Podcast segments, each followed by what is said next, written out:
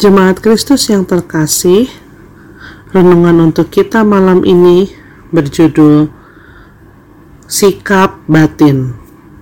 Dan bacaan kita diambil dari kitab Keluaran 3 ayat 10 sampai dengan 12. Beginilah firman Tuhan.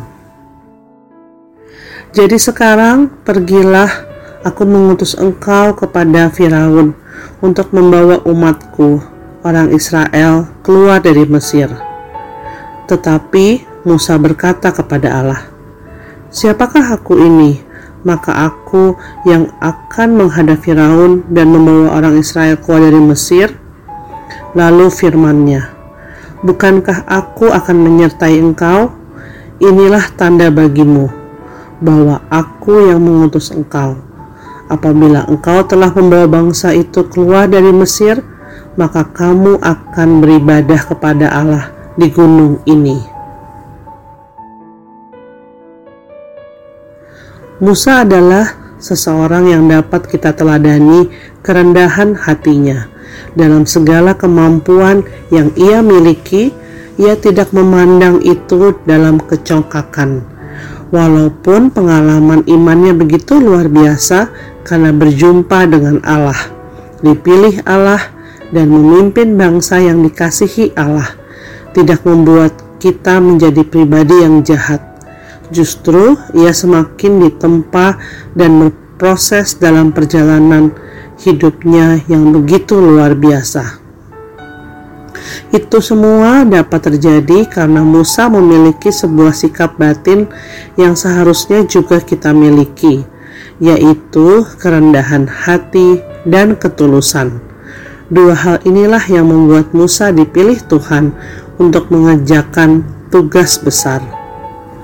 Mari kita belajar dari Musa. Dengan segala yang kita miliki, itu bukan untuk menjadikan kita pribadi yang sombong dan angkuh. Justru dalam segala kemampuan dan talenta kita, kita semakin teruji menjadi pribadi yang berkenan di hadapan Allah. Kuncinya adalah dengan menempatkan prioritas Allah di atas kepentingan pribadi kita dan kerjakan semua tanggung jawab kita dalam ketulusan dan sukacita. Sehingga bila tugas yang lebih besar akan Tuhan percayakan untuk kita, maka kita menjadi pribadi yang siap untuk menghadapinya.